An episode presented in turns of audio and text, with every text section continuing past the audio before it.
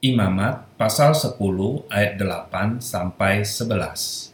Tuhan berfirman kepada Harun, Janganlah engkau minum anggur atau minuman keras, engkau serta anak-anakmu, bila kamu masuk ke dalam kemah pertemuan, supaya jangan kamu mati. Itulah suatu ketetapan untuk selamanya bagi kamu turun-temurun. Haruslah kamu dapat membedakan antara yang kudus dengan yang tidak kudus, antara yang najis dengan yang tidak najis, dan haruslah kamu dapat mengajarkan kepada orang Israel segala ketetapan yang telah difirmankan Tuhan kepada mereka dengan perantaraan Musa.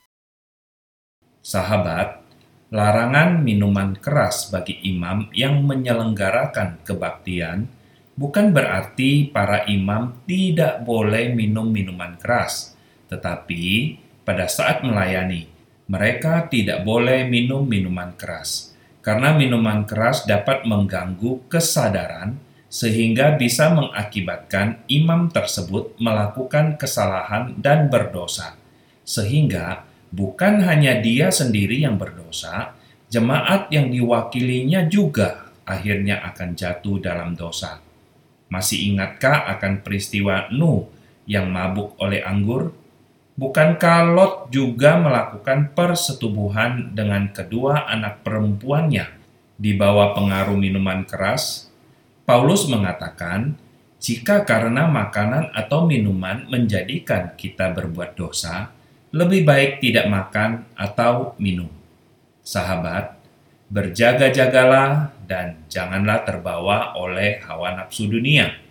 Ada yang mengatakan bahwa Minuman keras dapat melepaskan kita dari kesusahan hati. Tetapi saya ingin katakan bahwa minuman keras hanya membuat kita lupa sejenak akan kesusahan.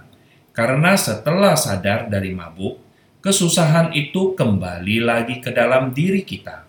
Tuhan Yesus mengatakan bagi yang berbeban berat, boleh datang kepadanya, maka dia akan memberikan kelegahan dan kelepasan sejati jika Yesus mampu memberikan kelegahan yang selamanya. Mengapa kita memilih yang sementara?